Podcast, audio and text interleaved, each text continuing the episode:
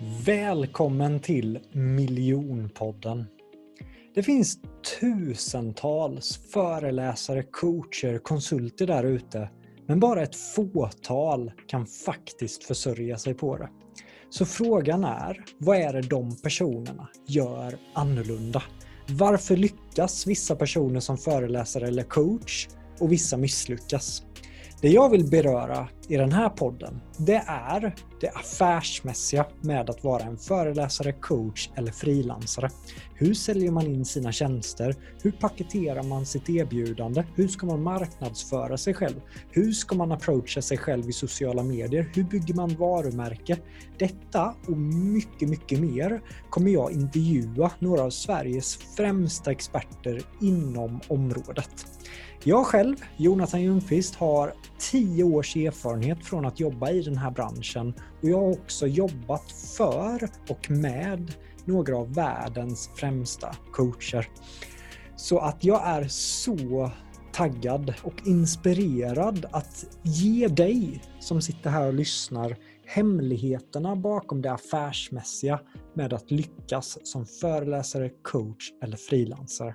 Nu kör vi igång! Varmt, varmt, varmt välkommen tillbaka till Miljonpodden. Och idag är jag så här lite smått pirrig. Jag sitter här med en av världens, en av Sveriges främsta hundtränare genom tiderna. Du ser Maria, jag höll på att säga världens främsta till och med. Ja, men det kan vi ta också. Ja, det, det funkar. Maria Brandell har vunnit VM-guld kopplat till räddningshundar. Hon har flera VM-silver och vi har känt varandra under flera år.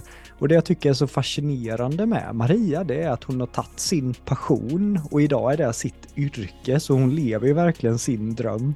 Det känns som att hon alltid är ute på vägarna när jag ringer Maria och kör event och föreläser och hon är författare. Så att vi kommer djupdyka under det här avsnittet framför allt. Hur får man en, en riktigt trogen kundgrupp? Hur får man följare och personer som verkligen är där år efter år efter år. För det är verkligen någonting som Maria har lyckats med. Vi kommer prata om hur hon tog action när hon var anställd, hade den här drömmen. Hur var den bryggan? Vi kommer toucha på varför man ska fortsätta utbilda sig själv hela tiden, vilket är någonting Maria har gjort ända sedan jag träffade henne 2018. Och eh, mycket, mycket mer. Så det här kommer vara som ett smörgåsbord av värld under det här avsnittet. Välkommen till eh, Miljonpodden Maria. Tack så hemskt mycket Jonathan. Hur känns det att vara här? Det känns lite pirrigt faktiskt.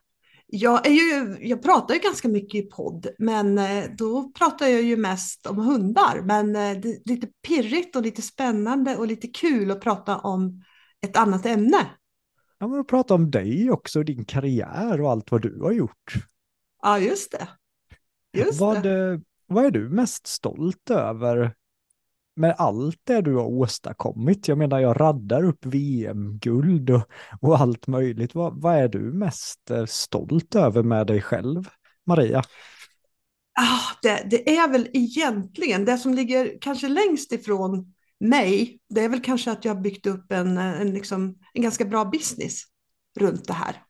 Det är nog, och, och jag har fått det att funka och fått till få till många grejer på den fronten. Och det är nog det som jag tycker som jag är mest stolt över. Då. Det här med liksom hundar och VM-guld och VM-medaljer, det känns mer som, det känns mer som jag, om man säger så. Just det, där är din hemmaplan, men just att du har fått det här författarskapet, du föreläser, turnéar, det är du väldigt stolt över eftersom att där har du fått kämpa också. Exakt, och där har jag ju fått lärt mig så himla mycket nya saker på vägen. Så det är nog det som, ja, men det, det är jag mest stolt över att, att jag har rott i land liksom. Just det. Har du lyssnat något på Miljonpodden, Maria? Du, jag har hört alla avsnitt. Alla avsnitt? Ja, Vill du ha lista på Wow. 1 till 10 bästa avsnitt? Eller 1 Ja, men jag 3? vill gärna veta, vem är, vad är ditt favoritavsnitt? Det är jag jättenyfiken på. Eh, jag, bara, jag skojar lite när jag säger sådär. Ehm, jag, jag tänkte faktiskt, för jag lyssnade faktiskt på dem en gång till, varför vi All- skulle prata, alla. All, alla? Ja, och då, då var min tanke så här, det ska bli lite kul att sätta en liten, Eh, en, en liten rankinglista här och se, eh, är man tävlingsinriktad så är man liksom. Men eh, jag tog faktiskt ett litet steg bort ifrån det här, eh, den tanken när, när jag började lyssna. Därför att jag tycker så här att man får ju någonting av alla. Och det är det som är själva grejen. Och därför så, så det, det jag lärde mig på att lyssna på alla, det är att jag ska lyssna även på dem som jag kanske inte tror att jag är intresserad av. För du får alltid någonting någonstans utav alla liksom. Så um, ja, nej men jag tycker jag vill egentligen inte sätta något före det andra för att jag har fått någonting i alla faktiskt. Wow, vad, eh, vad också så här otroligt drivet. Det känns att du ska vara med i miljonpodden så lyssnar du igen. Det är ändå liksom över 50 avsnitt. Nej, när, när får du in tid i din bissiga vardag att lyssna på poddar och utbildning? Hur finner du tid för det här egentligen? Ja, men det, det är världens enklaste grej. Nummer ett så sitter jag och kör bil otroligt mycket. Kör väldigt, kör typ 5000 mil per år eller något sånt. Så det är ju, det är mycket. Och det, då är det perfekt. Helt perfekt alltså. Och mm, sen så när jag städar och när jag gör saker som jag tycker är tråkigt, då blir det liksom belöningen att lyssna på en podd. Jag tycker det är perfekt. Jag Till och med så jag med. sparar vissa poddar så att jag ska kunna lyssna på de jag tycker extra mycket om. De lyssnar jag på när jag ska göra något extra tråkigt. Oj, vad lika vi är där Maria. Jag hade en sån där bära ved-dag. Och det är ju kanske inte det, alltså bara gå, hämta ved, lägga in i garaget och så var det världens hög med ved och jag bara, det här kommer bli en tråkig dag. Och sen så lyssnade jag på podd hela dagen och det var en helt magisk dag. Ja, ja och jag håller helt med. Och det är ju liksom fantastiskt att man får ta del av så många människors kunskap, kunskap och det är helt gratis dessutom. Hur Ja. kan man bara inte lyssna på poddar? Det, det, det undrar jag faktiskt. Men det känns som att vi båda har utveckling som en stark eh, drivkraft, Maria. Så jag blir ändå nyfiken nu av egen, av egen vinning också. När, eftersom att du är poddare, du har lyssnat på alla avsnitten. Har du någon konstruktiv feedback till mig som, som intervjuare? Eftersom att jag ser mig själv fortfarande som väldigt så här, jag har poddat i ett år, jag är väldigt nybörjare. Har du, har du någon feedback som du vill skicka med mig som, som intervjuare? Fortsätt vara nybörjare. Hugg in i det som liksom, jag tror så att man inte ska tänka igenom så mycket utan hugg på det som dyker upp i samtalen. För det Mm. tycker jag ofta blir väldigt bra. Det gör Mm. du redan, så jag säger ingenting som, som du behöver göra utan fortsätt med det. För det Mm. tycker jag blir jätte, jättebra. Och liksom, du lyssnar ju väldigt aktivt får jag uppfattningen om och så fångar du upp det som, som, som kan bli intressant. Och det tycker jag du lyckas jättemycket med. Så det ska du fortsätta med. För då, det, det blir bra. eh, Stort tack Maria. Man går alltid upp eftersom min bakgrund i militären så går jag upp lite på spänn när jag ber om feedback för jag är så van att ja, men då får man kritik, då får man höra att man är, man är dålig eller man har gjort det här men din, din feedback värmde verkligen och feedback är ju det är ett ämne som man hade kunnat prata om bara det för jag tycker många gör fel när de ger feedback och att det blir alldeles för kritiskt och negativt eller vad tycker du där? Maria? Jag håller, helt, jag håller helt med. Därför, därför feedback ska leda framåt. Och det som du är dålig på, det vet du oftast redan. Det behöver du inte veta. De allra flesta vet vad de inte är tillräckligt bra på. Det är ytterst sällan att någon... Och det är samma sak så här, alla kan se vad som är dåligt. Mm. Det kan, vem som helst kan se. Jag skulle kunna ta med dig till en hundtävling och du skulle kunna se vad som är dåligt. För det kan alla. Men du kan inte se, du kan, du, det, det, det du inte kanske kan, det är att tala om vad man ska göra istället. Och det tycker jag feedback handlar mycket mer om. Feedback är inte att ge kritik. Feedback är att tala om vad man kan göra för att det ska bli bättre. Mm. Snyggt, Hela tiden. Alltså. Vi börjar bra Maria. Du börjar miljonpodden med ett dundertips alltså. Wow. Ja, men vad kul att du tycker det. Det är lite ett intresseområde faktiskt också. Ja, ja. Första gången vi träffades var väl på, på David J.P. Phillips eh, eh, presentationsteknikutbildning. Det har jag för mig att det var väl första gången vi, vi träffades 2018 någon gång Maria. ja det stämmer det. Vi, jag var på, det var faktiskt en, en kurs för professionella talare. Vad hette ju kursen från början då? Just det. Ja, och det var ju en liksom verkligen att gå totalt utanför sin comfort zone, även om jag föreläste en hel del. Men det här var ju någonting helt annat. Och det var ju väldigt många duktiga talare och föreläsare med på kursen. Så där träffades vi, för du var med och gav feedback Jag var och där och, höll i vissa delar. ja, jag var där lite som en assistent och ja, grejade. Satt och Ja. lärde mig av, av David, men jag kommer ihåg att jag reagerade när du körde. Att det var som att du bara blixtrade till och det var storytelling och det var energi och det var spex och jag var wow, vilken, vilken föreläsare eh, var min första reaktion när jag hörde dig tala. Ja, vad kul att du tyckte det. Ja, verkligen. Och sen, sen gick det några år och sen, sen smsade du mig om, om miljonkursen då och då. Där hade det ändå gått nästan en två, tre år. Vad, vad fick dig att skriva till det, mig där Maria? Det är jag nyfiken på. Ja, men nummer ett var att jag kom ihåg dig från, från David J.P. Phillips. För att, dels för att du höll i ett par avdelningar där. Eh, du höll ett fantastiskt bra storytellingtal eh, om Kilimanjaro Mhm. och den blinda kvinnan. Ja, men Miriana. Ja, Oj, Just att du kan det. komma ihåg det. Fem Ja. år tillbaka, det, det är ja kraften men av ja, det var, ju, det var ju ett otroligt bra tal. Och då liksom plötsligt så fattade jag eh, kraften i eh, det här med storytelling och med att skapa substanser och alltihop det här. Det, det är liksom, det, en, en, det blev väldigt tydligt för mig i praktiken. Och vi ska komma tillbaka till det tycker jag och göra en sak i, i teorin och en sak i praktiken.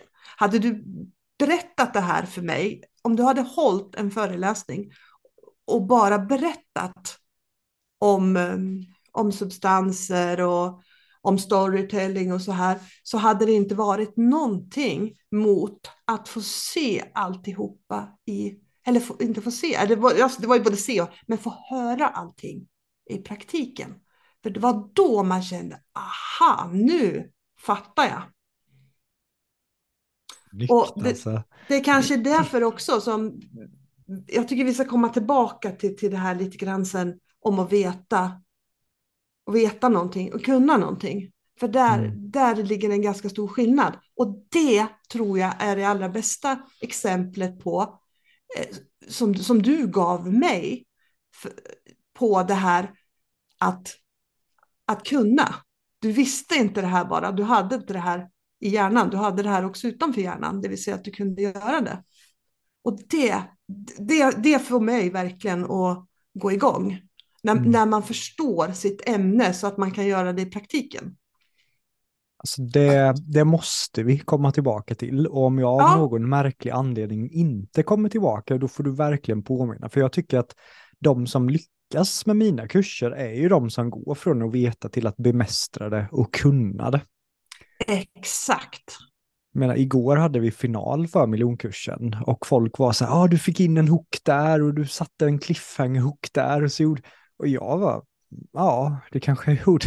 Jag, jag tänker ju inte på att ah, jag ska lägga en hook, jag bara kör. Och materialet och hooksen är i mig, så utan att tänka drar jag. Eh, Med noll förberedelse igår med att presentera upp Och alla. Och dit det är ju man måste jag, komma för jag- att bli riktigt ja. bra på någonting tror jag. Att, Pre precis, så att man går från då veta till att, eh, att kunna. Superviktigt. Ja. Men jag tänker Maria, en av de första punkterna jag skrev upp som jag tycker är väldigt spännande i din, i din story, att du jobbade ju på 70-80-talet där, för, för några år sedan Maria. Med, för ett par år sedan, ja. Med, med psykiskt sjuka personer, men, men där hade du också en dröm om att göra någonting annat. Och hur, hur tog du det steget? Var det enkelt för dig eller tog det lång tid att gå från trygghet, anställning till att gå för sin dröm? Eh, det tog otroligt lång tid. För att det här var ju en liten, liten eh, process kan vi säga så här. Att jag tränade och tävlade med hundar och fick ganska mycket framgångar på tävlingar. Och fick därav jättemycket frågor om att komma och hålla kurs. Och det här gjorde jag då samtidigt som jag jobbade. Men det blev ju mer och mer och mer. Och jag hade ett jobb som jag egentligen trivdes jättebra med. Eh, rent, jag trivs jättebra att jobba med eh, patienterna. Det passade mig perfekt. Men jag trivdes inte alls med att vara anställd. Eh, jag, jag vill verkligen bestämma själv och bestämma allting. Liksom. Jag vill inte att någon annan ska bestämma åt mig. Och, och, och framförallt där jag tycker att någon annan bestämmer mycket sämre än, än vad jag gör. Och det är väl kanske utmaningen med att vara chef, så jag ska säga att det kanske inte är så lätt åt det hållet heller. Men i alla fall så blev det ju mer och mer kurs. Och till slut så till slut så var det ju inte så hållbart längre och, och fortsätta med eh, både jobba och ha kurs då. Men jag klarade inte att ta det där steget riktigt. För eh, ett, ja, det kändes ju ändå så. Det var ju en fast anställning och ja, men, eh, säkra pengar in och allt så där. Så då tänkte jag, hur ska jag liksom lösa det här? Så då började jag faktiskt plugga på universitetet. Och så pluggade jag kommunikation och retorik i, i tre år. För då, då kunde jag skjuta på beslutet lite grann. Och jag, jag tyckte nog att tempot var ganska lågt. Så att eh, man hann ju typ jobba heltid samtidigt som, som, eh, som jag pluggade då. Så, och sen när den tiden tog slut, då vart det lite då var jag tvungen att ta ett beslut. Jag, jag kan säga så här att jag mer eller mindre blev knuffad över kanten. Inte förrän då blev det ett riktigt beslut. Vem knuffar dig? Var det du själv som knuffade dig över kanten eller hade du någon som knuffade dig över kanten? Eller? Jag tror att det var min arbetsgivare som knuffade mig över kanten. Som sa att nu, nu må du bestämma dig, liksom. vilket du vill göra. Vill du jobba eller vill du inte jobba? Och det var egentligen inget svårt svar. För mm. jag ville, jag, jag ville ju jobba med det andra, helt klart. Så att så blev det. Mm. Tänk vad många, Maria, som, som vill bli egna, men som inte knuffar sig själva över kanten. Och tio år, år går, 20, desto mer åren går, desto svårare blir det också att ta det här klivet. Om du får säga en sak till folk som så här velar kring att vilja satsa eller välja tryggheten, vad har du sagt då? Jag hade nog sagt att kanske gå all in. Om, om man känner att man har någonting med bra substans. Och jag tror att det kan vara smart att komma igång lite grann vid sidan om först. Men sen verkligen gå all in. Varför ska man gå all in? Varför inte gå 50-50? Bara en nyfiken fråga. Jag säger inte att jag står för 50-50, men jag bara tänker nej, att vissa nej. kanske tänker så. Därför att det är svårt med 50-50. Det är svårt att, att, lägga ner den tiden som, som man behöver. Och, och tar man inget beslut så kör man nog inte på ordentligt heller. Mm. Tror jag inte. Jag läste en eh, inspirerande bok, jag har säkert nämnt det här i miljonpodden. Jag pratar, det är ju inget som klipps utan det här är bara tas ju rakt av, men jag läste en bok där det var, oh, det var ju på engelska, Keep your lines open eller någonting stod det i Dale Carnegies bok och den syftade på att eh, det var en eh, kvinna som ville bli skådespelare och hon jobbade på en järnvägsstation. Och där hade hon jättedåligt betalt och hela rubbet, men hon kunde betala sin hyra och hon kunde ha mat på bordet. Och sen så sa hon ju till sin arbetsgivare att jag har satsat på att bli skådespelare så jag vill ta ett år nu i LA. Eh, men är jag välkommen tillbaka ifall det inte funkar? Och arbetsgivaren sa, ja, men det är du. Det här gör att personen kan gå all in i LA i ett år. Eh, tror du att det funkade Maria? Kanske inte. Nej, det funkade inte, inte det första året, så hon var tvungen att gå tillbaka till järnvägsjobbet. Men hon kunde i alla fall gå all in det året och alltid känna att så här, okej, okay, men det är inte så att jag kommer dö om jag misslyckas. Då kan jag gå tillbaka till mitt jobb där jag hade ett okej okay liv och jag betalade räkningar och jag hade mat. Så hon jobbade där något år eller två till. Och sen sa hon till arbetsgivaren, nu vill jag testa igen. Så då åkte hon tillbaka till LA och då funkar det. Och, och det, det jag tog med mig från det, det var att lämna varje jobb man har som anställd med flaggan i topp. Så att man alltid är välkommen tillbaka. För Absolut. Mm. För då är det, jag tycker många slarvar där och de bara, ah, hej då, nu ska jag följa min dröm. Och det är liksom lite oskön stämning, inget hjärta. Och då stängs ju en dörr till en form av säkerhet. Och jag har alltid tänkt att så här, jag vill göra succé på alla de jobben jag är på. Det har jag verkligen inte gjort, men jag har i alla fall försökt. Och jag vet idag att jag är välkommen tillbaka till flera av de anställningarna som jag hade. Och det skapar ett visst form av lugn. Och sen om det är fegt att göra så, det vet jag inte. Men, men, men det kan vara bra att tänka på i alla fall. Eller vad tycker du där, Maria? Jag tycker verkligen inte att det är fegt, utan tvärtom. Och jag menar, har man ett jobb som man trivs så himla dåligt med, då mm. borde man ha slutat för länge sedan kanske. Är min tanke.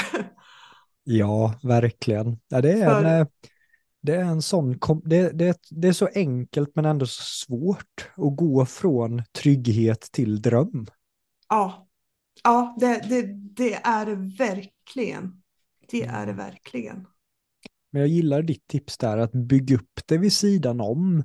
Se att det rullar in, du får lite förfrågningar för att då, då bränns det i alla fall. Då har man ju någonting. Och då kan det vara lite tryggare att ta klivet också. Precis. När, när insåg du i din karriär att du kommer bli en av de bästa i världen inom ditt yrke? Var du 12 år eller när, när fick du det epifenit att oj vad grym jag är på, på min profession? Du, det har jag aldrig fått. Har du inte? Nej, verkligen ah. inte. Verkligen inte. Jag inte ens när du vann jag... VM-guld? Ja, men precis. Ja, jag känner att jag stadigt utvecklas, men, men så, så har jag nog aldrig tänkt det faktiskt. Vad gick du på då, då för att satsa mot VM-guld, om jag får fråga? Ehm, ja, men det, det, det, är, det är precis det här vi har pratat om, det här med utveckling. Mm. Att, att eh, vill ta nästa steg och vill liksom lära mig lite till, bli lite bättre på det man gör hela tiden. Försöka hitta, när du, när du tävlar på väldigt hög nivå, då handlar det om att liksom du jobbar med hundratals pusselbitar som man måste snida till och man måste få till allihopa.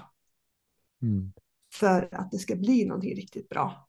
Så det, och det är ju väldigt, det, det, jag tror att det är det när jag tänker på med hundträning. Varför tycker jag hundträning är så kul? Ja, men det är för att det, det tar all, det slutar, all utvecklingen finns där hela tiden. Men det låter ju som att du har någon form av så här dominant tanke att eh, hur kan jag bli lite bättre? Stämmer ja. det? Ja, det stämmer ja. jättebra. Så och, och, istället då för att tänka så här att eh, jag kommer bli bäst, då har du hela tiden haft den här utvecklingsdrivkraften. Och om man har den varje dag under decennier, då vinner man VM-guld. Ja, ja det, räcker, det räcker otroligt långt faktiskt. Och mm, ja, nej men det, det, det, är verkligen det här att man försöker liksom ja, bli lite, lite bättre hela tiden. Och vissa, ska man lära sig en ny skill så går det ganska snabbt att bli, om du till exempel tar mig på basic training, hundträning i en vecka, då kommer jag ju gå från att vara dålig till helt okej. Okay. Det blir ett ganska högt gap där om jag har dig som coach i en vecka, eller hur? Eh, ja. Men, men ska jag börja tävla i VM, då blir det de här mikroprocenten hela tiden som man jobbar utifrån och det tar ju så lång tid att jaga de procenten mot det här stora gappet i början. Och där tycker jag att många föreläsare, coacher, de tänker att äh, men det räcker att jag blir bra och, och de känner den här massiva förflyttningen i början och sen kör de. Medan de som blir riktigt bra slutar ju aldrig att utvecklas. Det ligger jättemycket i det. För det är ju ett citat som ganska många använder. Det är det här när du inte blir bättre så blir du sämre. Att mm. utvecklingen ligger aldrig konstant. Utan du, du måste hela tiden utvecklas för, bara för att hålla den nivån som du har. Mm. Och sen är det ju lite så inom allting. Det är ju så inom hundsporterna och det är så tror jag också inom föreläsningsbranschen och det är så tror jag i alla branscher. Att allting går framåt, allting utvecklas. Mm. Så människor blir bättre och bättre på det de gör. Och här gäller det att hänga med på det och, och utveckla sina skill. Och, och inte bara liksom hänga med, är ju inte, det, är ju ingen, det är ju en kul grej, för det ger ju väldigt mycket tillbaka. Liksom. Så, så utveckling, jag tror att det är väl det är väldigt få tycker jag som verkligen satsar på att utvecklas. Men, men eh, jag tror egentligen att de allra flesta tycker det här med utveckling, när man väl gör det, att det är väldigt kul. Mm. Och sen eh, tycker jag ett misstag, många föreläsare, coacher eller hundtränare kan jag tänka mig att de, de utvecklar sig bara inom sin profession. För det är ju inte så Maria att du bara utvecklar dig själv som hundtränare, utan du utvecklar dig själv som kommunikatör, som skribent, som marknadsförare, så du utvecklas inom många olika block. Och jag tror det är en nyckel för dig att du har fått snurr på, på affären också. Eller håller du inte med om det, Maria? Jo, såklart. Det, har ju, det är ju en jätteviktig del av, av alltihopa. Absolut. Vilken skulle du säga är den viktigaste delen? För det här är någonting som sagt jag stöter på dagligen när folk tänker så länge jag blir en riktigt bra coach och riktigt bra föreläsare eller utbildare, då kan jag leva på det. Men vilka andra skills känner du blir väldigt relevant att träna på om man vill kunna bygga en business kring sin verksamhet också utöver sin profession? Är det kommunikation, presentationsteknik, copyright eller vad är de viktigaste skillsen tycker du att utvecklas inom? Och vad svårt. Jag tycker nog att alla de här som du har nämnt är viktiga. Kommunikation? Kommunikation, absolut. Att man, Var, varför är den viktig känner du? Därför att du ska kunna, som föreläsare och coach, så har du ju förmodligen någonting som du vill berätta. Och du kan någonting som du vill lära andra. Och då gäller ju det att man kan tala om det på ett sätt som gör att du faktiskt får ut det. Och det tycker man ju mm. låter... Det är ju enklare sagt än gjort det är ju inte bara, det är liksom en liten missuppfattning sådär att man lär sig genom att, att man får höra det en gång. Så mm. är det ju verkligen inte. Mm. Utan kommunikation handlar ju om någonting helt annat kan jag säga. Mm. Vad handlar det främst om känner du? Att, eh, att man lär sig plocka, att man lär sig se vad man får fram. Att, att, mm. att man kanske har lite koll på sig själv i kommunikationen. När jag kanske berättar någonting, säger någonting, visar någonting. Och det är liksom, i hundträning så kan det ju vara ganska, där får du ju ganska svar direkt du kommer ut och gör någonting i praktiken. Att då kanske, du kanske har förklarat en sak och du är 100% säker på att den som du har förklarat förstår att det är 150%. Sen när du kommer ut så ser du att nej, men den har inte förstått någonting överhuvudtaget av det jag har sagt. Och då är man ju inte inne på rätt spår när det gäller kommunikationen. Då har ju jag någonstans där totalt misslyckats i min kommunikation. Mm. Eller i mitt instruerande. Liksom. Och det här, det här är det här tycker jag är jätteklurigt, men jätteintressant. Och det här är bitar som jag och min kollega har verkligen, verkligen har jobbat med på ett medvetet plan. För problemet är, om du är en föreläsare eller en coach, då kommer du att vara bra på ditt ämne. Eller hur? Det är mm. därför du är en föreläsare eller coach. Eller du mm. kanske till och med är extremt bra på ditt, på ditt ämne. Och vad händer då när du kommer in för kursare som har betalt för din kunskap? Det som hände för mig de 10-15 åren, det var att jag tänkte, nu ska jag lära dig allt jag kan. Så jag babblade och babblade och babblade och jag dränkte folk i min kunskap. Jag fullständigt dränkte dem. Därför att om du får alldeles för mycket information så klarar du inte att ta in den. Utan ju, ju, mer information du får, ju mindre kommer du att göra också. För har du liksom 20 alternativ på vad du ska göra, då vet du inte vart du ska börja och då, då, då har du ett stort hinder. För det här med att tänka innan man startar är ett jättestort hinder för många. Det är för de allra flesta. Då. Mm. Så, så det är ju någonting som jag verkligen har, eller som vi verkligen, jag och min kollega har försökt att utveckla ganska mycket. Att man tar lite i taget. Att man bestämmer sig, nu ska jag lära Jonathan det här. Vi börjar med en grej. Han behöver egentligen kunna tio för att det ska funka. Men vi ska se till att han kommer igång ordentligt med en grej. Och sen nästa grej och sen nästa och sen nästa. Så att man inte trycker på. För trycker man på folk för mycket, då blir det för mycket. Då känns det som ett stort hinder. Plus att man har svårt att sortera den här informationen. Så min uppgift då, det blir ju liksom, okej, okay, vi ska starta med någonting här. Men vad är det viktigaste att du förstår för fortsättningen på den här kursen? Vad är det, det viktigaste? Ja, men bra, det är det här. Mm. Och så mm. kanske vi kommer till, vad är det näst viktigaste du behöver förstå? Ja, men då lägger vi fokus på det ett tag. Och sen kanske den tredje viktigaste. Och, och då gäller det hela tiden, tiden som, som kursledare och kanske identifiera de här bitarna så att, så att man kan jobba med dem.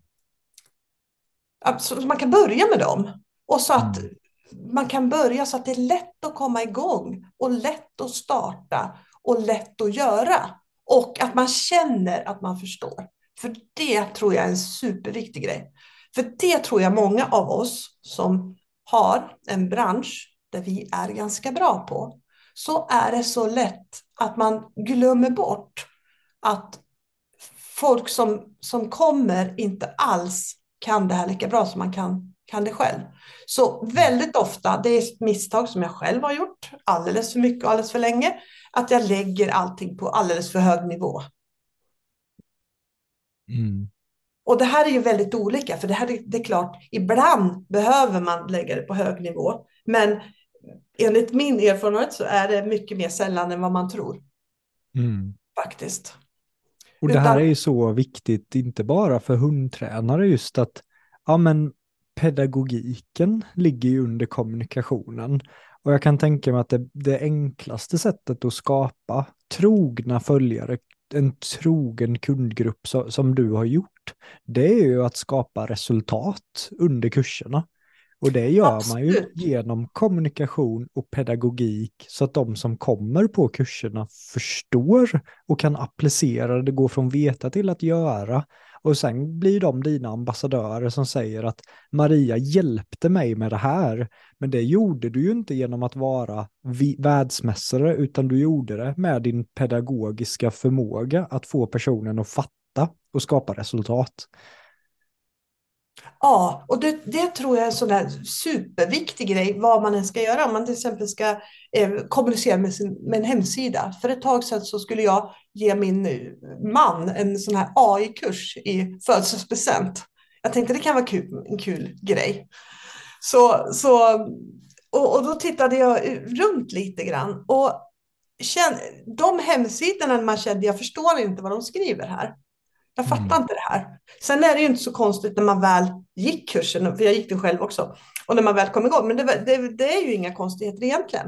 Men det kändes som ett stort hinder i början med att det här skulle vara alldeles för svårt. Och många hemsidor som vi tittade på då, eller som jag tittade på, så kände jag nej, nej här, de här de pratar till en helt annan nivå av kunder. Fast de mm. nog egentligen hade kurser som hade passat mig. Men de uttrycker sig alldeles för komplicerat för att vända sig till några som inte förstår ämnet. Och det tror jag är ganska viktigt att ta med sig när man ska kommunicera med sina kunder. Liksom. Förklarar du någonting alldeles för så det är alldeles för svårt att förstå, då, då kommer du att tappa människor. För, för är det någonting som man inte vill känna sig så är det att känna sig dum. Faktiskt. Varför, varför tror du att det är så, Maria? Att man inte vill, för det kan jag relatera till att ja, men i militären och så, när man inte fattar det så vågar jag inte räcka upp handen, för då kände jag så här, nej, men då kommer folk tycka att jag är trög. Och, och varför tror du att det är så hos många? Jag vet inte faktiskt. Mm. Jag, jag, vet inte. Jag tror att det, att det kanske är, vi får det med oss från skolan och mm. från eh, uppfostran och från eh, institutioner. Och, eh, jag, jag, jag tror faktiskt det. Och, och det, det är ju lite synd.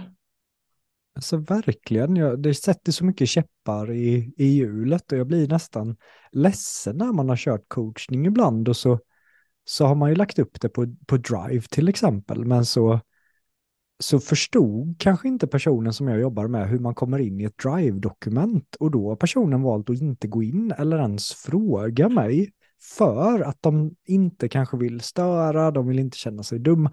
Och det, och det är som, nej, det, det, ska ju vara så okej okay att komma med vilken fråga som helst. Absolut. Absolut, det ska det vara. Så det, det håller jag med om. Men jag tror att man drar sig för det för, för mm. det. Så tänk, att man ska tänka på det och göra, det, göra allting väldigt enkelt. Ja, verkligen. Som, man kan tänka som ett barn skulle förstå det. Men, och, och, det är sant på ett sätt, för när man gör någonting nytt, då är man ju som ett barn. Mm. Fast kanske inte så snabblärd men, mm, som vuxen, men, men eh, liksom kunskapsmässigt så är man ju kanske där i början. Faktiskt. Mm. Ja, men jag, jag gillar det. Liksom, summering av första blocket är ju verkligen att lägg inte alla dina S på att bara bli bra på ditt hantverk, utan även bredda dina skills, din kommunik kommunikativa förmåga, ditt mindset, din förmåga att lära ut. Alltså det är så många olika block som man behöver för att också kunna bygga en, en verksamhet på det. Och just blir man skicklig på kommunikation, jag vet ju Maria, du har en, du har en podcast, du är författare, du är föreläsare, du är utbildare. Så det kommer ju med så, så många biprodukter av att bli duktig inom kommunikation. Kopplat till att kunna också försörja sig på sitt yrke. Absolut, det är ju en superviktig del faktiskt. Mm. Och mm, jag tycker du sammanfattar det där väldigt, väldigt bra. Ja, men stort tack Maria. Och om jag hoppar in där du sa med att hur bygger man en kund, trogen kundgrupp som stannar med en år efter år efter år, som jag vet att du har. Vad, vad är dina så här, nycklar till att, till att göra det? För att fördelen med att ha det är ju då att när du släpper en bok men du köper väldigt många den boken och för att de, de stay with you. Vad är dina reflektioner och hur har du arbetat för att bygga upp en trogen kundgrupp? Det har ju, jag skulle säga att det har mycket att göra med det du ger ut och det, eh, det du håller kurser och föreläsningar i. Det handlar ju i slutändan om att man ger ganska mycket att man ger värde. Mm. Att jag, jag kan förklara så att, um, att jag kan förklara så folk förstår. Att jag kan få folk att bli motiverade och inspirerade och tycka att det här är kul. För det, det är ju en sån här superviktig grej, att det är kul. Att, mm. att man vill ta sig vidare. Men framför allt att man känner att eh, vi har ju haft, vi har, jag och min, när jag säger vi så menar jag, min, jag och min kollega, att liksom alla ska få med sig någonting när de går därifrån. Alla personligen ska ha fått med sig någonting som de verkligen har nytta av, faktiskt. Och sen så handlar det också om att eh, det finns det väldigt, väldigt, precis som vi sa, eh, när man börjar träna så kan man lära sig ganska mycket på en vecka. Men det är ju det är ett stort område. Det tar ju, alltså, man kan, inte, man kan aldrig ens lära sig allt då. Så det Mm. finns ju alltid mer man kan lära sig. Och vi brukar liksom presentera det, liksom, att okej, nu har du klarat av det här. Nu kan du fortsätta med det här om du vill. Var tydlig med vad det finns för fortsättning och vad det finns för värde att bli bra i just i fortsättningen då. Så det du egentligen säger är att du jobbar en del med, med funnelsen då, på ett sätt med att man tar dem först i en nivå i kunskap. Jag vet inte om du kommer ihåg funnels från, Ja, från miljonkursen, men just att ja, men då blir man en basic trainer, men vill man bli en advanced eller vill man bli det här? Så att man hela tiden kan jobba sig uppåt. Att det är en framgångsfaktor då. Absolut. Jag skulle absolut säga att det är det. Och då blir det ju viktigt att det verkligen är värt att gå på den här kursen. För när man känner, nej men det här var inte, det här var kanske inte så jättemycket, det här var inte, det här gav inte speciellt mycket. Mm. Då har man ju tappat den kunden då. Och det här kommer ju vara viktigt för fortsättningen sen då. För om folk vet att de, när du går en kurs, då får du med dig en massa saker varje gång, oavsett vilken kurs det är. Då kommer du ju att få en trogen kundkrets. Och jag, kom, jag kommer ihåg så här, det är ju liksom, vi ger ut lite böcker och sådär.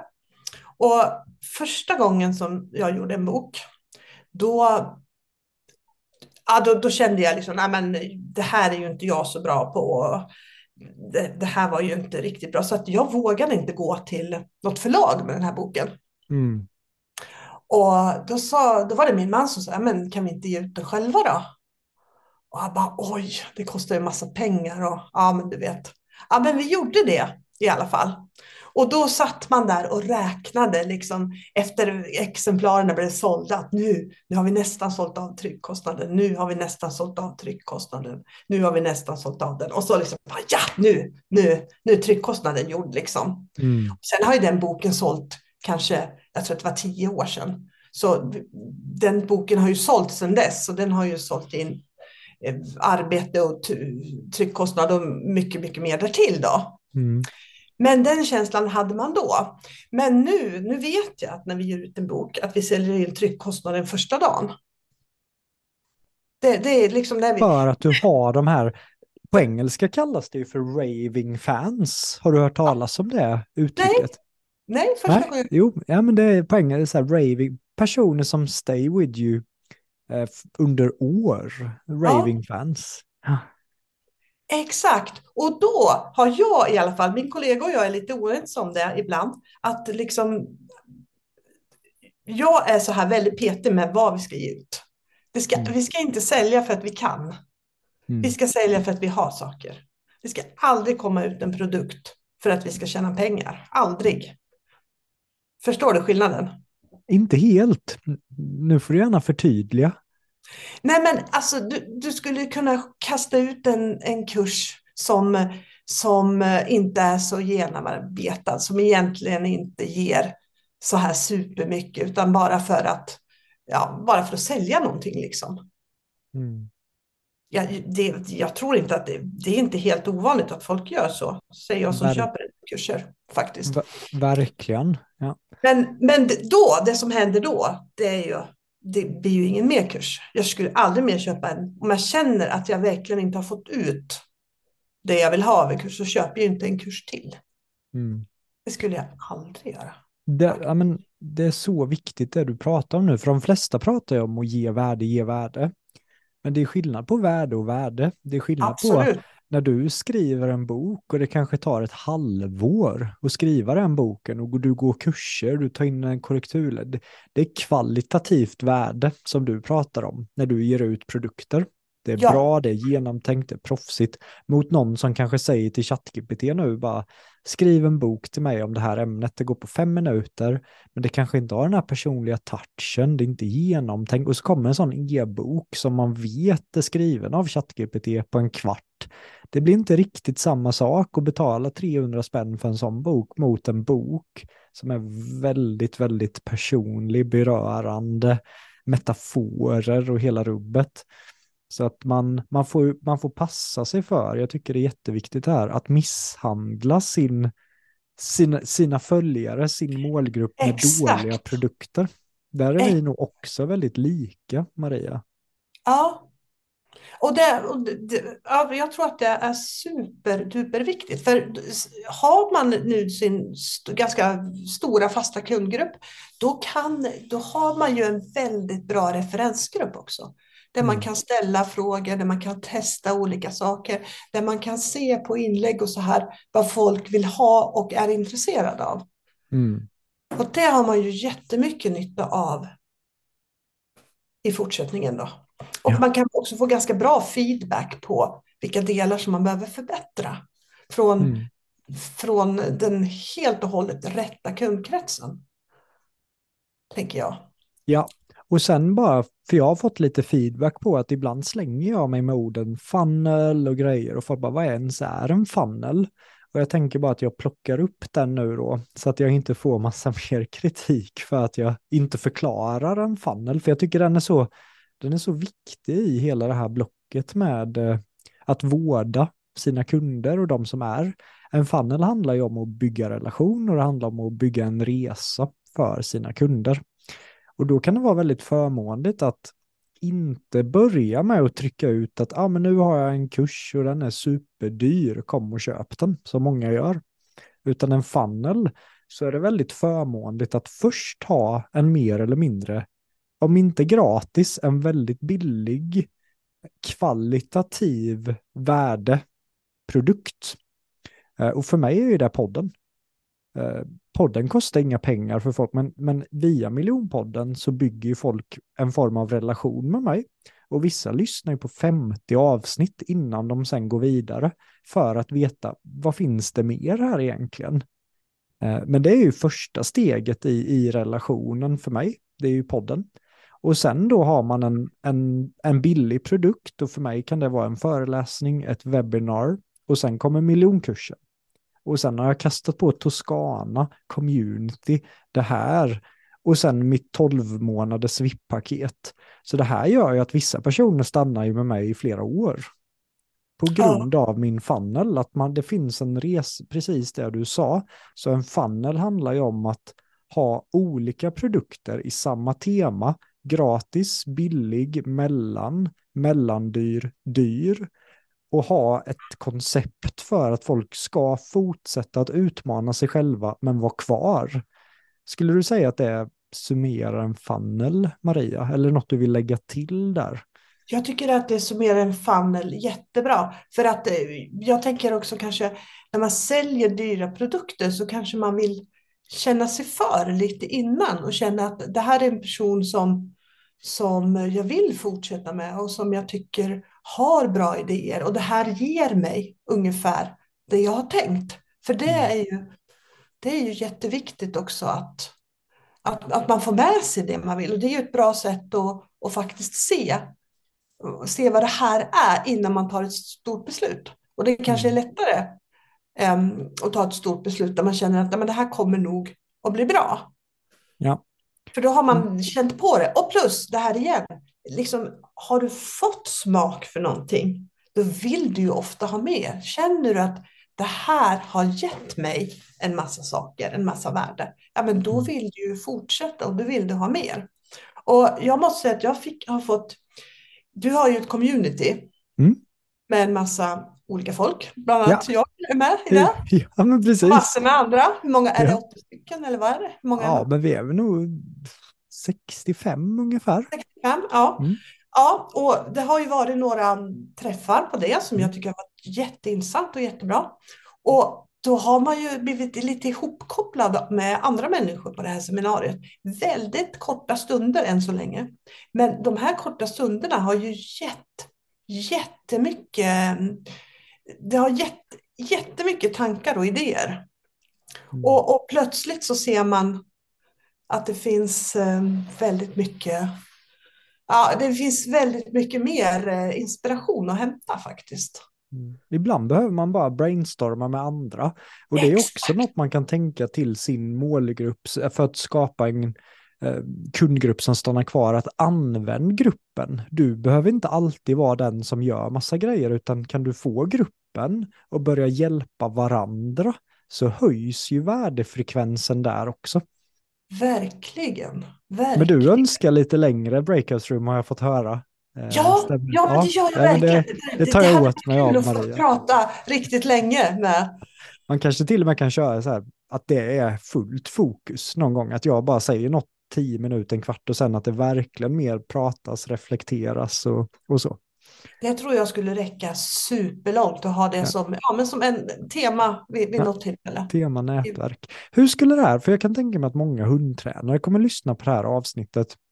Hur skulle en funnel kunna se ut för en hundtränare som vill få folk att stanna kvar hos dem och göra på det sättet som du har gjort? Vad, vart börjar man som en hundtränare till sin egna funnel? Man kanske kan börja med sociala medier, lägga Mm. ut eh, filmklipp och lägga ut eh, klipp och, och, och, och bilder på sin träning och skriva lite om det. För att redan där så, för inom hundträningsbranschen så finns det ju väldigt många filosofier hur man, hur man tar hand om hundarna och hur man tränar med hundarna. Och där Mm. kanske är det allra första man behöver visa för sin kundgrupp, liksom vilken typ av tränare är jag? Mm. För det är väl kanske det första man som människa vill veta, liksom hur, hur, hur tränar du? Och det är ju perfekt med sociala medier. Det är ju väldigt, väldigt enkelt att göra någonting där. Vad skulle det du rekommendera för content? Så här utbildande content, att nu har jag den här övningen, tre tips för det här, eller är det mer att behind the scenes, eller vad för slags content skulle du rekommendera? utbildande skulle jag säga. Utbildande content. Ja, Just det. att, Och eh, vad, vad hade nästa steg kunnat varit i en funnel för en hundtränare? nästa steg skulle kunna ha varit ett webbinar där man går in lite djupare och, och eh, visar lite fler grejer, har lite tid på sig och där man också kan ställa lite frågor och få svar på sina viktigaste funderingar.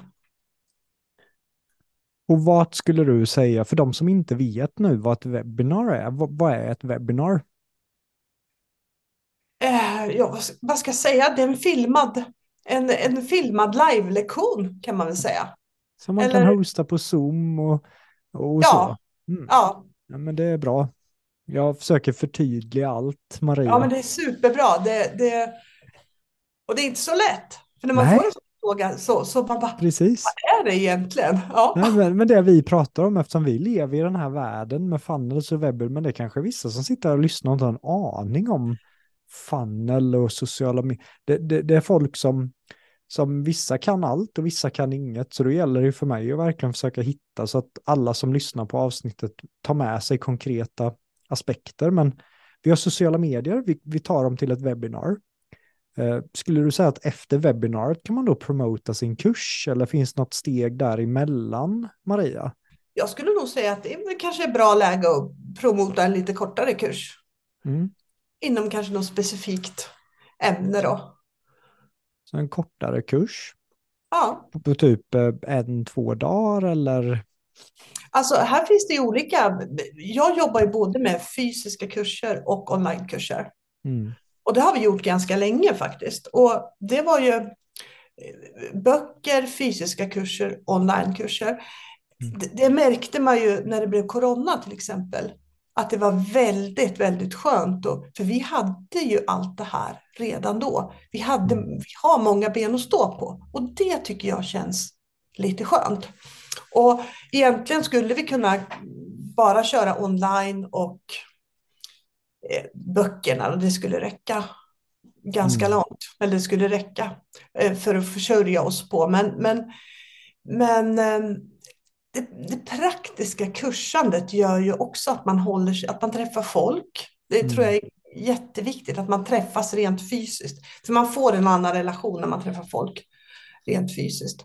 Plus att man eh, håller sig ju mer uppdaterad då också. Så, så en viss del av fysiska kurser behöver man nog ha hela tiden. Då. Men det kanske är bäst, man skulle, det kanske är smartast att starta med en kortare onlinekurs och sen så kommer det ju fysiska kurser och då kanske man ja, vill fortsätta med det då. Eller så kan man mm. fortsätta online eller det finns mm. många olika vägar fram då. Och här är det också viktigt då att tänka att dokument, om, om du ska köra en fysisk kurs, ha lite det här funnel-tänket i åtanke att kanske ta med en fotograf någon dag som tar, tar, tar snygga bilder så kan man ju posta det på sina sociala medier så att allting hänger ihop så man inte hela tiden bara tänker så här nu gör jag det här utan tänk att hur gynnar det här andra aspekter i min funnel? För att bygga långsiktighet hos mina kunder. Ja, det, det är jättesmart. Mm. Faktiskt. Och, och, när det gäller det här med sociala medier så tror jag också om man är entreprenör att man, eh, man behöver tänka att man ska hänga i också. Mm. Ja. Man, det, det, här kan man inte göra, det räcker inte att du postar en, ett inlägg eller tre inlägg eller inte tio heller, utan du må hänga i ganska länge för att för att det verkligen ska börja rulla av sig själv tycker jag. Mm. Och då får man fortsätta hänga i. Consistency, superviktigt. Consistency, Inte bara ja. posta en gång i varannan vecka utan skål in, kör på, nöt på. Om du fastnar i att inte fylla upp de fysiska kurserna, mm, ja, men gå tillbaka till steg ett med sociala medier jobba ännu hårdare där, få in folk på webbinariet, träna på att sälja kursen från webbinariet. Och här kommer vi igen in i det kommunikativa. Det här kan bli en helt annan värld för många hundtränare. Men det är så här man fyller upp sina kurser. Och det är ja. säkerligen därför att ni är väl ganska få hundtränare som har lyckats med en verksamhet kring det mot hur många det finns som vill det. Eller har jag fel där Maria? Jo, ja, men där har du helt rätt. Och så Där ser det ut i de flesta branscherna. Jag har intervjuat liksom PTs och, och coacher att så många står utanför att kunna ta betalt och leva på det. Och ofta är det de här aspekterna som saknas i deras verksamhet. Ja, ja. och, och det, det, det tipset som jag också verkligen skulle vilja ge till det, det är lite som, som du och jag var inne på i starten på avsnittet, det här när du berättade om hoxen. Att mm. du lever dina hooks. Ja. De sitter där utan att du behöver tänka på det. Ja. Och när någonting sitter där utan att, att man behöver tänka på det, då har det blivit en vana. Eller hur? Mm. Ja. Och när det blir en vana, då, då, flyter det, då flyter det bara på. Liksom. Och det tror jag är så otroligt viktigt att veta och förstå eh, om sitt ämne som man har. Att liksom det du vet sitter i hjärnan. Mm. Men jag skulle säga att det din kunskap. Kunskap, det är att du kan använda det du vet. Det sitter liksom lite utanför hjärnan också. För, förklarar jag flummigt? Mm. Nej, nej, jag, tar, jag sitter och tar anteckningar här för fullt. för, för, för ja, den första gången som jag verkligen tänkte på det här, det var när jag började på universitetet. Mm. Jag var så taggad. Jag klev in genom portarna där och så får se pedagogikprofessor. Herregud vad jag kommer att lära mig mycket. Alltså jag satt som, alltså, jag är lite intresserad av pedagogik så det här kanske låter lite nördigt men jag var så taggad. Men det jag verkligen fick lära mig på universitetet då, det var ju att de flesta, inte alla, för det fanns de som härskade, men de flesta, de kunde bara sitt ämne i hjärnan. De, hade, de visste. De hade kunskapen i hjärnan. Men de hade ingen aning om hur man använder det här. Och jag tyckte det var djupt fascinerande hur man kan hålla på med någonting i 30 år utan att förstå, utan att ha en aning om hur det funkar i praktiken. Mm. Så det är så otroligt viktigt att, att man lever det man lär ut, att man visar att jag kan faktiskt göra det här. Och jag gör det hela tiden, för då får du ett helt annat förtroende för din kunskap än att du säger någonting. Och det är ju tillbaka lite till ditt tal där. Att, att jag hade, hade du bara sagt det där utan att jag hade fått känt hur det kändes, då hade det blivit något helt annat. Men det talet som jag för övrigt tycker är fantastiskt, jag kommer nästan ihåg hela talet faktiskt. Wow, det gör knappt jag själv. Gör inte det? Ja, då, alltså, jag vet då, bara att jag pratade om Miriana och att vi satte oss ner. Det är typ det. Ja, du satt där i trädgården och när hon kom gående, du pratade med din chef.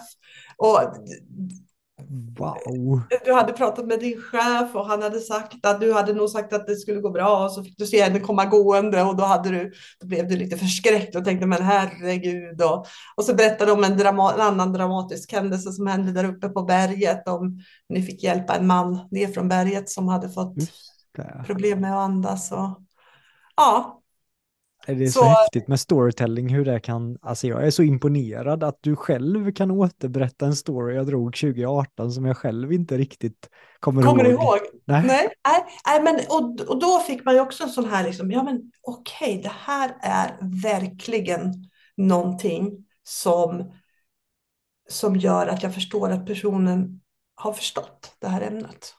Mm. Och det var, det, vi kommer tillbaka till en fråga som vi började med du frågade mig varför jag kontaktade dig igen. Ja, men då kommer jag ihåg det här. Ihåg, han var bra på det här. Han kunde göra det här.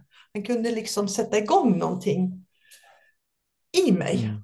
Där man kunde ja, visa praktiskt hur storyn fungerar. Och det, ja, det, det tycker jag var väldigt, väldigt, väldigt, väldigt häftigt och imponerande. Liksom. Man förstår om... kraften på ett helt annat sätt. Ja, men stort tack. Och om vi brainstormar högt kring det här med att gå från veta till att göra så att det blir en vana. Vad tror du är nyckelkomponenterna i den förflyttningen till att ha kunskap och sen bemästra den kunskapen på kort tid? Jag tycker att det är supersvårt, men jag tror att det är att komma igång att komma igång och göra någonting och komma igång med enkla uppgifter som inte har så hög tröskel. Så man mm. kommer igång och startar. För det här, det här tycker jag är, det är ju någonting som man hela tiden kämpar med som kursledare, coach och, och verkligen få att verkligen få folk att göra sakerna till 100 procent. Jag har mm. grejer som jag vet, om du gör det här så kommer det gå skitbra.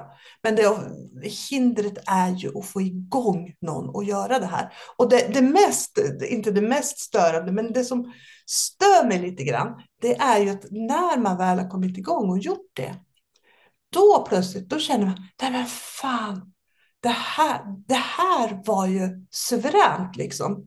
Gud, varför har jag inte gjort det här tidigare? Och liksom, tänk om jag hade förstått det här från början. Så det, jag önskar att det fanns ett sätt att få den här känslan redan från början så att det skulle kunna vara lättare att komma igång och få folk att göra. Vad, vad, vad tänker du om den här frågan? Nej, men det är ju, alltså, jag tror att den coachen och den föreläsaren som knäcker den här frågan eh, Eh, kommer få en väldigt eh, bra verksamhet för det här är ju som avgörande och jag har ju några delar som jag vet att jag jobbar med när jag ska lära mig en skill och bemästra det, men jag sitter ju verkligen inte på, på alla svar. Men en grej som jag alltid har gjort är att om jag, ja men till exempel när Megadeals lärde mig diskvalificering, mm, hur man gör sig själv unik på marknaden, Alltså jag var så tagen av, jag hade alla tre grundarna som, som coachar storbolag i världen hur man gör hundra miljoner och jag hade hjälpt dem med storytellingen och helt plötsligt ville de ge mig sin kunskap. Så under några timmar satt jag där och bara tog in den här kunskapen som jag kände att det här kommer ju förändra allt och jag får inte tappa den här, jag måste äga, jag måste bemästra det. Och då tänker jag efter den sessionen istället då för att ja, gör något annat eller ja, nu går jag och slappar för nu, nu är jag trött. Ja, men då ringer jag tre polare och jag återberättar hela tre timmarna vad jag har lärt mig, vad diskvalificering är, hur de kan diskvalificera med sina grejer. Så att direkt när jag tar in kunskap börjar jag lära ut. Inte för att så här, ta betalt, utan bara för att äga det. Liksom, när man lär ut det man har lärt sig så förstärks effekten. Eller vad, håller du med där Marie? Eller vad, vad känner ja, du kring, kring det? Jättesmart. Jättesmart. Det, det, det, är sådär, det är sådär så jag känner, det där borde jag ju kommit på själv. Nej. det, det är inte så lätt att ha. Du har ju sagt hur mycket värdefulla saker som helst, men, men har du gjort så när du har lärt dig grejer, att du har lärt ut det till, till andra för att lära dig bättre själv? Nej, det, det har jag faktiskt aldrig testat. Men det, ska, det är ett tips som jag verkligen ska ta till mig. För, för det där är ju ett problem som, som, som vi alla dras med. Att, ja. att det är lätt att, att man fastnar i att kunskapen sitter i hjärnan, inte att den kommer. Och det, det där är ju ett superbra första steg, tänker jag. Ja, men jag, jag tycker det, att eh, ja, det steget behöver inte vara några år bort. Det kan du göra direkt. Och ofta när jag kör mina säljkurser och hela rubbet, anledningen till att jag kan återberätta vissa stories och grejer, det är för att direkt efter vissa möten som jag känt mig riktigt nöjd med, när jag har fått en skeptisk vd och köpa in mina hooks för flera hundratusen, sådana grejer, och jag bara kände att jag nailade det, då ringer jag min polare, ofta Adam Stumle faktiskt, han var ofta den person, för han var så intresserad av det här. Jag ringde aldrig ah. honom och jag kände att jag stör genom att återberätta ett säljmöte på en timme till honom. Utan han sitter och tar anteckningar, ställer frågor. Så jag får ju sån energi av att ringa Adam. Men då ringer jag, återberätta hela mötet, vad jag lärde mig, vad jag gjorde, scenariet, hela rubbet, in, rakt in i en story. Och sen kommer jag ihåg det mötet och kan använda det i kurser. Ah, Ja, det är faktiskt jätte, jättesmart. Det tycker jag var, det var lite kul, för det, det är faktiskt ganska sällan man får eh, konkreta tips på, på just det. Tycker ja, jag i alla fall. Det, det finns ju säkert massa man kan göra där för att förstärka inlärningsprocessen. Är det något, något annat du känner att du vill lägga till där? För att jag tycker du är väldigt skicklig. Jag menar, du går hooksen och sen känns det som att du kan hooksen. Att det går, bryggan för dig är väldigt kort. Och jag är jättenyfiken, har du några hemligheter du kanske inte ens tänker på att du gör som gör dig väldigt bra på det här? Jag tror att det, vi kommer tillbaka till det här med utveckling i, mm. i, igen. Då. Att jag vill gärna testa och pröva och eh, liksom eh, vill man komma vidare så måste man ju hitta små saker hela tiden. Och när du har kommit en bit på väg, jag, jag, tror att det är precis samma sak för dig, så handlar det ju kanske inte längre om att få de här superstora pusselbitarna. För de, de har du redan kanske. Utan det handlar ju om alla de här pyttesmå pusselbitarna som till mm. slut gör det till ett mer och mer fulländat pussel. Mm. Faktiskt. Snyggt. Och jag kan tänka mig återigen att din utvecklingsådra i dig får dig att varje dag kanske göra någonting. Om du lär dig någonting så varenda dag efter det gör du någon liten detalj, vilket gör dig att du bemästrar skillen, för det är ju väldigt starkt också.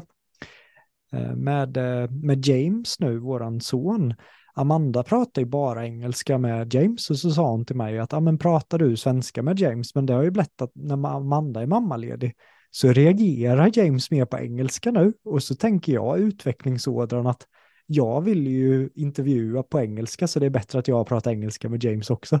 Det här kan bli väldigt märkligt i hans uppfostran sen om han bara pratar engelska men han har ju farmor och mormor som pratar svenska också men, men jag har märkt att bara att jag läser sagor på engelska nu och då är det så här ibland vissa tongue twisters och, och jag pratar engelska med James och det har bara blivit mer naturligt för mig nu själv att prata engelska som jag haft en hel del problem med. Men förra veckan när jag körde en tre timmars workshop på engelska så hade jag ett flow som jag inte hade haft innan och jag tror att det är för att varje dag har jag pratat lite engelska med James. Så att inte underskatta de här små grejerna i vardagen långsiktigt som, som du har Maria med din utvecklingsådra. Att det är det som också får en att bemästra ämnen. Ja, och det är väl lite det här igen som, som vi kan kalla lev, din kun, le, lev det du vill utveckla eller lev där du vill bli. Och lev med det så är ju väl det ett perfekt exempel på att att man får in det hela tiden. Och får man in det hela tiden, då, då sker det utveckling. Mm. Mot om Nej, du kanske skulle gå på engelskkurs en gång i veckan. Det blir något helt annat mot ja. Exakt. Och det är kanske ett tips vi kan ge till, till alla, liksom, att man försöker det man vill bli bättre på, att man får försöka få in det i små snuttar i sin Mm. vardag hela tiden. Så att Ja. det verkligen blir en del av en Det själv. blir en del av en själv tills man slutar tänka på att man ens gör det. Ja, Mm. det, det tror jag är superduper. Om du ser tillbaka på det, eller jag måste också fråga, vad, vad är det med just varför valde du just hundar? Vad, vad är det som är så speciellt för dig med, med hundar? Just att du väljer att committa stora delar av ditt liv till hundkarriärsaspekten. Ehm, Ja, det är ju egentligen, alltså, vi kan säga så här, om jag inte skulle tävla eller inte skulle träna med hund eller sådär, så skulle jag definitivt ha, ha hund ändå. Så, så så för mig att ha hund, det är egentligen inte, tävling är sekundärt. Ha hund, det är det jag vill. Och det jag gillar med att ha hund, det är att du alltid, alltid har någon som vill hänga på dig. Jag Mm. älskar att vara ute i naturen. Jag älskar att gå långa promenader. Och jag kan göra det mitt i natten. Jag tycker jättemycket om att gå i skogen när det är jättemörkt och stjärnklart och allt sånt där. Men vem vill följa med? Förutom hundarna. Absolut ingen. Absolut inte min man. Han vill aldrig gå ur soffan när det Ah. blir mörkt. Och Jag har nog ingen kompis heller som, som vill det. det. Det kan ju hända någon enstaka gång att de vill det. Men Mm. hundarna vill alltid med. Och du kommer alltid ut. Och jag kan säga så här att hundarna har ju gett mig kompisar och relationer med folk i hela världen. Jag tror Mm. nästan jag skulle, kanske inte i alla länder, för i alla länder så är inte det här med hund så stort, men i många länder så skulle jag nog bara kunna lägga ett inlägg på Facebook och säga nu ska jag hit och dit. Eh, Ska vi träffas eller kan du guida mig eller någonting sådär så, så, så är jag ja, 99 procent säker på att det ganska snabbt skulle komma ett svar. Mm. Ja, det vad häftigt. Man, jag får nästan gå, jag älskar också hundar och få höra det. Jag blir också så här, som Anna Ricknell, avunglad för att jag har ju tyvärr inte kvar min hund längre och han var ju min bästa. Han var ju alltid där, han låg ju här under mina fötter när jag poddade och en otrolig saknad som jag har från, från Koda. Eh, Och hoppas verkligen att vi kan skaffa hund snart igen. Ja, ja, det är ju som sagt, det, det, det är något man får en väldigt speciell relation och jag kan tycka att det är lite häftigt att du kan få en sån relation med ett, med ett djur, liksom en helt annan art. Det är Ja. ganska märkligt när man tänker på det egentligen. Och så snabbt också. Det är... eh, Mm, Ja, nej, det var bland det tuffaste jag gjort i hela mitt liv. eh, Och eh, säga hej då till Koda. Eh, Verkligen. Ja, och jag förstår det. Och jag, jag tror faktiskt att ibland är det svårare att förlora en hund än en människa. Och det har ingenting med att man värderar det andra, ena eller det andra mer, mer eller mindre. Men man har ju hundarna omkring sig på ett helt annat sätt.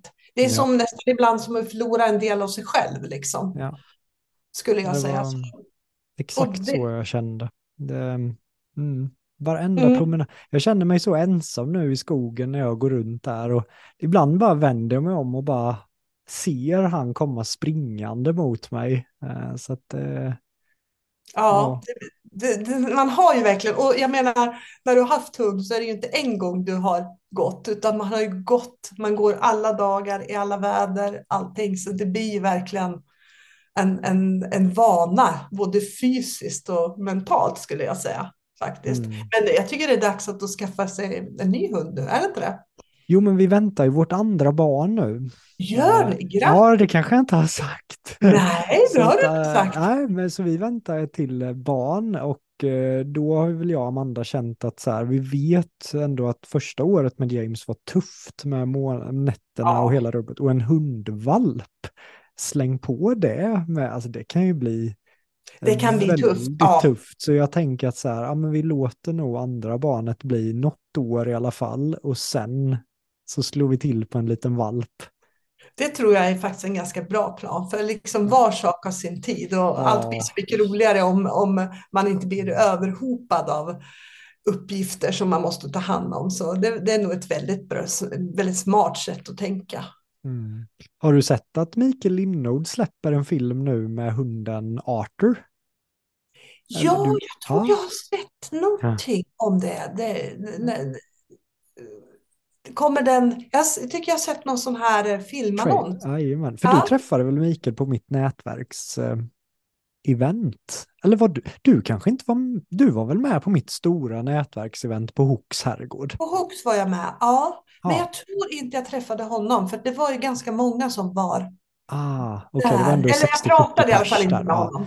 Ja, men det var så häftigt att han bara mitt under ett lopp i multisport eh, ser en gatuhund som börjar följa efter honom och han ger hunden en köttbulle och liksom dag efter multisport är ju man paddlar och klättrar ur det djungel så den här hunden bara följde efter. Och så tas det ju en bild på dem och det här blir ju världsmedia på det här. Eh, så sen vid mållinjen så var ju han så här, jag kan inte bara lämna hunden här nu. Och så tog ju han med hunden till Sverige och det här blev en bok och det blev en story som tog fart. Eh, och nu då om några månader släpps ju den här filmen eh, där Mark Wahlberg spelar Mikael i en Hollywoodfilm om den här storyn och den har förändrat lagarna i hur man får behandla gatuhundar i Sydamerika. Ja. Ja, det är jättehäftigt. Och bara för en enda hund. Och, Varför hund- en hund? och Eh, hundar är ju väldigt bra på det här med att bonda. Ja, Man kan alltså, bonda så att man inte liksom, man kan nästan inte värja sig faktiskt om man är den typen som, som gillar djur. Så jag förstår precis hur det där, de, hur det vilka, där s- liksom, ja, vilka säljare de är hundarna på ett. De säljer in sig själva du, de ställer verkligen in sig själva. de, alltså, när vi paddlade där i Europa, jag och Mackan, så kom det ju en hund som vi bjöd på tonfisk. Och det här hade vi fått höra så här, bjud inte gatuhundarna på mat, då följer de ju efter den. Ja, Och det här händer ju. Så när vi paddlar så börjar hunden simma rakt ut i Donau mot oss. Och vi bara, vad ska vi göra? Så vi får simma in, eh, paddla in igen, hunden är där. Och den bara springer ju sen på kanten i flera kilometer. Så då övervägde jag, och jag sa till Mackan att det här är menat, det här är våran hund. Nu har jag döpt honom till ett namn här efter två timmar, så vi måste ta med hunden. Och sen sa vi det att om den följer med oss till den korsningen där borta, då går vi till veterinären, då liksom, då är det här våran hund. Men där stannar den ah, okej. Och det var, nog, det var nog tur det ändå alltså. Eh, Och tagit hem en hund från Bulgarien mitt i, i den åldern, det hade känts eh, lite lurigt. Ja, precis. Det, har ju lite, det är ju lite klurigheter med att ta med sig hundar från andra länder och sådär. Kan vara. Faktiskt. Maria, om, om du hade fått göra om hela din karriär, ehm, är det någonting du hade gjort annorlunda? Eh, Egentligen så, jag hade startat tidigare. Mm. Jag hade kanske försökt, jag kanske, om jag hade startat om som man hade nu, att jag hade trott mer, att jag hade trott mer på mig själv kanske. Det, det, det hade, men annars var det nog ingen sån här grej som jag skulle ha gjort annorlunda faktiskt. Jag tycker nog att det har blivit mycket, jag ska inte vilja säga att det är rätt, men det har blivit mycket som, som jag vill och som jag vill ha det.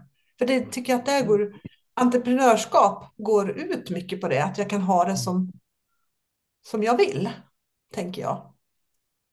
Vad vill du säga till framförallt hundtränare som, som kämpar, kanske har ett heltidsjobb, kör kurserna på söndagskvällar, inte får det att lossna men har som drömmar att få en fungerande verksamhet. Vad vill du skicka med dem framförallt? Lär dig massor. Mm. Utveckla, se till att du hittar en nisch inom hundträning. Bli bra på det. Och sen har ju du en podcast också. Touchar du på sådana här delar i, i din podd med, där man kan lära sig mer om det entreprenörsmässiga också, eller är podden främst med övningar för hundar? Eh, Podden är främst, eller de- den är i princip, eller den är mestadels för, för eh, hundar och allt som rör, rör hundar. Eh, lite draget åt till de som tränar mot hundsporter. Men det finns lite andra avsnitt också. Men, i, Men ändå- ingenting om entreprenörskap än så Men det är länge. ändå en eh, säkerligen givande podd eh, för personer som jobbar med djur och, och framförallt hundar. Ja, och det, jag tror att det räcker. Vissa avsnitt så räcker det bara att man har hund så tror jag att man kan få lite tips och idéer hur man kan tänka och göra och sådär. Vad heter podden Maria? Hund, hundtränarpodden. Hundtränarpodden och en fågel viskar att den har över en halv miljon downloads. Så det här är ju en väldigt populär podcast. Ja, ja, det är faktiskt jätteroligt. Och vi har väl kanske drivit den eh, lite, mm, vad ska jag säga, inte så professionellt som du har gjort, utan vi har gjort det mer, vad ska jag säga, det, det, ja, det har rullat på lite grann. Du bara släpper något avsnitt här och, här och var. Vi försöker hålla till och släppa varannan vecka. Ja men snyggt, det Ja. är ju gediget gjort ju. Och sen så mm, i perioder så har vi mm, kanske sagt att nu, nu kommer ett avsnitt per dag i en vecka eller något sånt där. Det har vi kört, sommarbonus och lite Just sånt där. Men, men har, eh, har du någon vana i ditt liv Maria som du känner med ditt resschema? Eh, det är lanseringar och det är böcker. Har du någon vana i din vardag som gör att du mår bra? Och inte stressar sönder kring all, alla de tasks som du har. Ja, men du, då kommer vi till det här med hundar igen. Finns det något bättre än att gå en lång skogspromenad med hundarna? Det är verkligen, verkligen mindfulness. Och där har jag också lyssnat på poddar ganska mycket. Inte med hörlurar, för liksom när jag är ute då vill jag liksom eh, då vill jag ta, ta, ta in det som finns ute, men då, då lyssnar jag med öppen, med öppen telefon då, så att man hör både och. Men, men det har jag faktiskt slutat med att lyssna på poddar på promenaderna nu. Därför jag känner att mina bästa tankar och mina bästa idéer kommer när jag är ute och går. Mm. Och när jag är ute i skogen och då, då, då är det smart att inte störa tankarna med, eh, med andra med andra tankar liksom, utan med, eller med, med, med andra ljud då. Så poddarna nu, de får, gå- de får de får gå till städning och bilkörning och allt sånt där. Men promenaden är mindfulness och det, det är ju jätte, alltså gå långa promenader i skogen är ju liksom, jag tror det är någonting som är super för alla. Mm. Verkligen. Så Som det, färre och färre kanske faktiskt gör. Jag kan, ja, vissa av mina Stockholmspolare som kommer hit, de är helt så här fascinerade över typ naturen och trä. Och man, jag tänker så här, what? går du inte i skogen?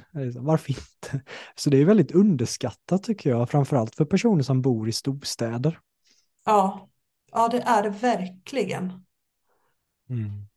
Tio år från idag, Maria, vad gör du då? Bra fråga, men jag tror faktiskt att jag håller på med, med att jag håller på med samma sak. Förhoppningsvis med lite fler böcker och lite fler produkter. Och förresten, att vi har lanserat oss eh, lite mer utomlands. Och nu har vi precis eh, vår, vår första connection med eh, på, på tyska, för vi har översatt en av böckerna på tyska. Vi har, vi har böcker som är översatta till engelska också, men vi, vi har väl upplevt liksom de flesta, i de flesta länder så vill man ha böckerna på sitt eget språk. Så Mm. nu har vi gjort en översättning till tyska då, så bara la jag ett inlägg på Facebook och frågade, ah, är det någon som vill bli återförsäljare? Och så kom det faktiskt jättemånga. Så nu ska vi börja förhandla lite med dem då, så förhoppningsvis så kan vi hoppa in på den tyska marknaden. Och det skulle vara kul att komma med böckerna till fler länder. Jag har, jag har ju kurser och så här i ganska många andra länder, då, men Mm. det skulle vara kul att få ut material, studiematerial i andra länder. Så det Wow, hoppas alltså. jag kanske på. Har du sett den där eh, funktionen i AI med att du skulle kunna hålla ett webbinar idag som eh, streamas live på olika språk? Men alltså jag, jag har sett det, men funkar det när det kommer till riktigt fackspråk? Det vet jag faktiskt inte. Jag har bara sett det. Jag vet att en av världens största YouTubers som jag nu har glömt bort namnet på, han pratade ju bara engelska, men helt plötsligt translatades allt hans till spanska. Och han fick ju hur många miljoner mer följare som helst bara tack vare den funktionen. Så det är rätt coolt alltså. Ah, Eh, ja. Och, och det kommer säkerligen, alltså eftersom att det utvecklas hela tiden nu så lär det ju lösa allt eh, sådana fackligheter framöver också. Jag, fick, jag fick en liten tankeställare. För, för ett tag sedan så lyssnade jag på en, jag ville lyssna på Rich, Rich Dad Poor Dad igen. Ja. Och, men, men så tänkte jag, att jag har ingen lust att läsa den så jag ska lyssna på den. Så jag lyssnade på en sån här sammanställning. Och den var definitivt AI-översatt. För vet du vad de, vet du vad de kallar den rika pappan och den stackars pappan? Åh, ja, det blir Och lite då kände jag, det här, här har nog AI och varit i farten. ja, Rich dad, poor dad, precis, Ja. stackars pappan. Ja. Stackars pappa. Men visst är det där en pappan. bra, visst är en bra bok, eh, Maria? Alltså, den är jättebra. Och, och det, om jag får ge ett sista litet tips här, ja. så tycker jag någonting som är smart att ägna några minuter på och bli bättre på varje dag, det är faktiskt ekonomi. För det som entreprenör så liksom har du lite koll på de delarna så kommer det göra livet så mycket både roligare och enklare. Och då tycker jag att man kan lära sig jättemycket. Jag, ty jag tycker jag gillar verkligen de tankarna som finns i den boken om ekonomi. Det, man får ju första gången man liksom läste den, man får ju en helt annan syn och så känner man, men gud, vad dum jag var, att jag inte har tänkt så här förut. Ja, den, vi gjorde ju ett helt avsnitt om Rich Dad Poor Dad där jag och Daniel. Wood eh, analyserar den boken och Daniel var ju precis och körde workshop med Robert precis. Så det är rätt häftigt. Aha, ja, ja för det är Så- superintressant och den, den, den är verkligen, det är verkligen en jättebra bok om ekonomi. Nej, det, är så, det är så många så aha-ögonblick i den boken tycker jag. Ja, Men Ja. eh, vilken bok, eh, jag gillar ju att promota mina gästers böcker och, och allting. Är det någon bok som du känner vill lyfta från ditt egna bibliotek? ja, absolut. Eh, vi har en bok som heter Bästa valpen. Den har ju faktiskt eh, miljonkursen varit med lite och eh, utvecklat. Både Ja, du och Adam och Liv är ju en liten del av den. Så här, eh, vi skrev ju den tillsammans som jag gick miljonkursen och Ja. eh, vi fick ju en massa tips och idéer och bra feedback av er då. då. För den är ju skriven lite som en story då. Och där lär man sig det man behöver veta om hundar för att man ska få ett bra eh, för man ska få ett bra liv med hunden. För det Mm. handlar så himla mycket om att, att man är medveten om några få saker så att man inte låter fel saker utvecklas. För vi, du och jag har ju varit inne på att prata om det här med vanor. Mm. Och vanor, det är lätt att skapa vanor. Eh, utan att man tänker på det. Mm. Och skapar man vanor utan att man tänker på det med hunden så blir det ofta väldigt tokiga vanor. Men om man är medveten och med på det här på en gång så kan man så lätt styra allting åt rätt håll. Så, så det, det, det får man lära sig i den boken och det tycker jag, det, jag vill verkligen, jag skulle verkligen vilja att alla läste den här boken. Därför att jag, jag tror så här att 90-95 procent av alla problem man kan få, det kan man förebygga om man är med i matchen från början. Och inte låter saker och ting utvecklas till skit. Så Alltså, wow, vilken pitch Maria! Jösses vad du ja, det är brände därför på jag är den här. Det var ju resultattoken deluxe det här ju. Jag älskar det istället för att bara säga att nej men jag har skrivit en bok som många gör så här. Du kanske, så drar du vad är, vad, är, vad är en hundägares varför till att köpa den här boken? Eliminera 90. Nej, det var ju en 10 av 10 pitch där Maria. Vi, vi lägger en länk till din bok här så att om man har hund, köp den här boken. That's Absolut. Maria, det har varit en ära att haft med dig i miljonpodden. Har du haft ett bra samtal Maria? Ja, men jätteintressant. Det är alltid väldigt givande och peppigt och eh, ger mycket värde att prata med dig. Ja, men detsamma Maria och det ska bli så kul att fortsätta följa dig, fortsätta ha kontakt i communityt och se vart, eh, vart mer våra vägar kommer korsas eh, framöver.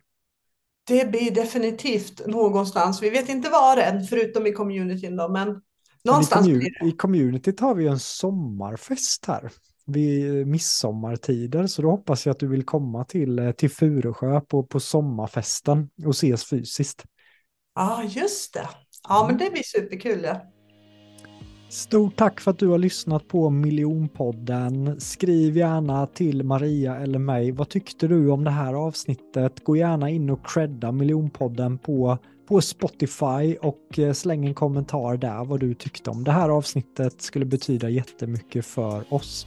Jag önskar dig en eh, magisk eh, morgon, kväll, lunch, vad nu tiden är när du lyssnar på, på det här avsnittet. Ta hand om dig. Hej då!